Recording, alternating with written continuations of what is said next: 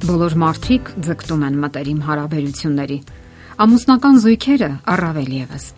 Լավագույն դեպքում դա շարունակվում է մինչև կյանքի ավարտը։ Այսպես շարունակվելու դեպքում միությունը դատապարտված է փլուզման կամ լավագույն դեպքում միապաղաղ մեկի գերիշխանության վրա հիմնված գոյատևման։ Կյանքում մենք տեսնում ենք բազմաթիվ այսպիսի օրինակներ։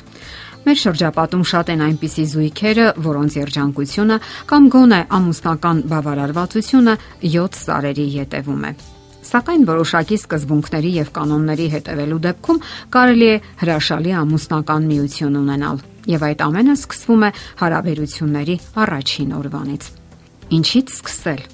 Հարկավոր է սկսել լուրջ զրույցներից, սակայն ոչ ծանր եւ անմարսելի հարկավոր է շփվել ներելու եւ զիջելու պատրաստակամությամբ։ Ընթումված է, որ զույգը անմիջապես տրվում է գրկախառնություններին, համբույրներին կամ գգվանքներին։ Այս դեպքում դուք ամեն ինչ հակառակ ծայրից եք սկսում։ Նման հարաբերությունները սովորաբար դատապարտվում են անհաջողության։ Պետք է զինվել գիտությամբ։ Սա անկարևոր չէ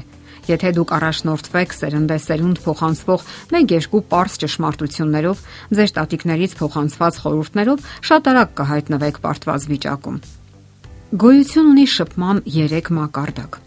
Առաջին մակարդակում խոսքերն են Մարդկանց հետ շփման ժամանակ ծանրաբեռնվածության ընդամենը 7%-ն է բաժին ընկնում խոսքերին։ Պատկերացնում եք, մենք շատ ջանքեր ենք գործադրում մեր խոսքերի ճշմարտության հասկանալու եւ հասկացվելու վրա, սակայն հոգեբաները ողրզել են, որ շատ ավելի կարեւոր է ձայնի տոնը։ Սա շփման կարևոր բաղկացուցիչներից է։ Մասնագետների կարծիքով տոնը սահմանում է մեր շփման 38%-ը կարևորվում է նաև խոսքի արտահայտչականությունը։ Մարդիկ զրուցում են մեզ հետ ուշադրություն դարձնելով ձայնի նրբերանգներին։ Բավականին perճախոս են նաև մարդու մարմնի շարժումները։ Դեմքի արտահայտությունը, մարմնի դիրքը, շարժու ձևը շփման ոչ բառային ձևեր են։ Դրանք կազմում են մեր շփման 59%-ը։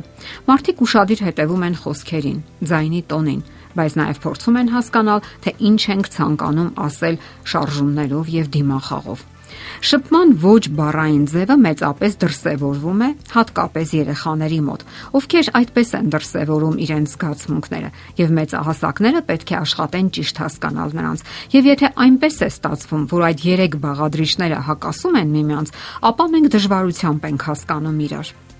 Եթե ընտանիքում ինչ որ մեկի վրա բարկանում են կամ որևէ մեկին մերժում, ապա այնտեղ թակավորում է քյուրըմբռնողությունը, հիասթափությունը։ Բոլորն են պարտավոր սովորել հմտորեն օգտագործել այդ բաղկացուցիչները, որpիսի շփումը լինի համապատասխան եւ ներդաշնակ, լավագույնս պատասխանելով մարդկային հոգու բնականon պահանջմունքներին։ Ամուսնական զույգի ներդաշնակ միաբանության համար անհրաժեշտ եւս մեկ կարևոր պայման է շնորհակալության զգացումը։ Այս բառը միայն պատահական անցորդների կամ կիսածանոթների համար չէ։ Սա պետք է ուղեկցի ձեզ ձեր ողջ կյանքում։ Հաճախակի պետք է ասել այն մասին, թե ինչքան թանկ են ձեզ համար ձեր հարաբերությունները։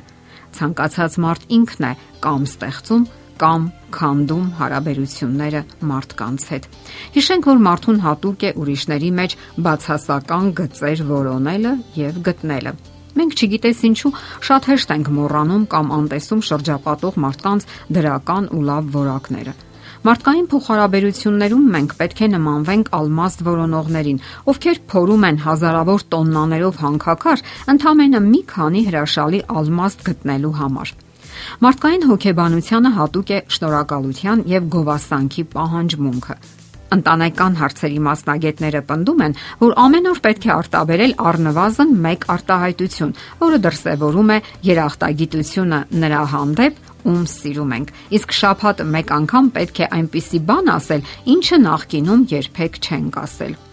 Ինչքան հաճախ մեր մտերիմներին ասենք իրենց բնավորության բացասական կողմերի մասին, այնքան ցածր կլինի նրանց ինքնագնահատականը։ Այն խոսքերը, որոնք մենք հաճախակի ենք ասում մեր ընտանիքի անդամներին, որոշակի հետք են թողնում նրանց վրա։ Մեր խոսքերը կամ հաջողության գրավական են, կամ խեղաթյուրված բնավորության պատճառ։ Չմոռանանք նաև, որ կարևոր է շնորհակալությունը ընդունելու հմտությունը կամ արվեստը։ Շատ մարդիկ ճափազանց համեստ են, երբ շնորհակալություն կամ գովասանքի խոսք են լսում, անմիջապես վրա են բերում։ Հաճելի է, որ դուք այդպես եք ասում, բայց ես չեմ կարծում, որ ես այդքան լավն եմ կամ իմ արարքը այդքան լավն է։ Դրանով մենք կարծես արժե զրկում ենք դիմասինի գնահատականը մեզ տրված։ Մենք կարծես ասում ենք, որ մարդը սխալվում է, եւ հաջորդ անգամ նա բնականաբար կզգուշանա գովաբանել մեզ։ Պարզապես պետք է ասել, որ շնորհակալ ենք։ Գովասանքը շնորհակալական հոգով ընդունելը խրախուսում է, որ դիմացինը հետագայում էլ դրսևորի իր երախտագիտությունը։ Ընտանեկան առողջ հարաբերություններին նպաստում են նաև բարի, սատարող խոսքերը։ Մենք հուզական վերելք ենք զգում, երբ շնորհակալական խոսքեր ենք լսում։ Մեր մեջ ցանկություն է առաջանում փոխարենը տալ ավելին, իսկ երբ տալիս ենք, նորից յետ ենք ստանում։ Շնորհակալություն հայտնել նշանակում է ընդունել յուրաքանչյուրի կարևորությունը։ Դա նպաստում է մարդու դրական ինքնագնահատականի զարգացմանը։ Դա արդյունավետ ուղին է ցույց տալու մարդկանց, որ նրանց հետ փոխհարաբերությունները անհամեմատ ավելի կարևոր են, քան նյութական իրերը, աշխատանքը կամ որևէ այլ բան։ Ընտանիքի անդամներին շնորհակալություն հայտնելը եւ երախտապարտ լինելը միայն հաճելի արարք չէ, այն նաեւ նպաստում է ընտանեկան առողջ մթնոլորտի ձևավորմանն ու կայացմանը։ Իսկ ընդհանրապես դիմասինի անկատարությունը երբեք էլ պատճառ չէ նրա հետ վատ վարվելու համար։ Վերջին հաշվով դիմացինի բնավորությունը կարող է պարզապես այլընտրանք լինել, որովհետև մենք բոլորս ձգտում ենք կատարելության եւ այդ պատճառով էլ հակադիր խառնվածքները հաճախ ձգում են միմյանց ընդհանրապես հակադիր։ Ահա սա է, որ հասկանալ է պետք, նաև ընդունել, գոհանալ, որ դիմացինը շատ հաճախ ուղակի լրացնում է մեր չարածը։ Սրանք գուցե էական չթվան, սակայն ամուսնական հարաբերություններում մանրուքներ չկան։ Եթերում ընտանիք հաղորդաշարն է։ Ձեզ հետ է Գեղեցիկ Մարտիրոսյանը։ Հարցերի եւ առաջարկությունների դեպքում զանգահարեք 099 08 20 93 հեռախոսահամարով։ Հետևեք մեզ hopmedia.am հասցեով։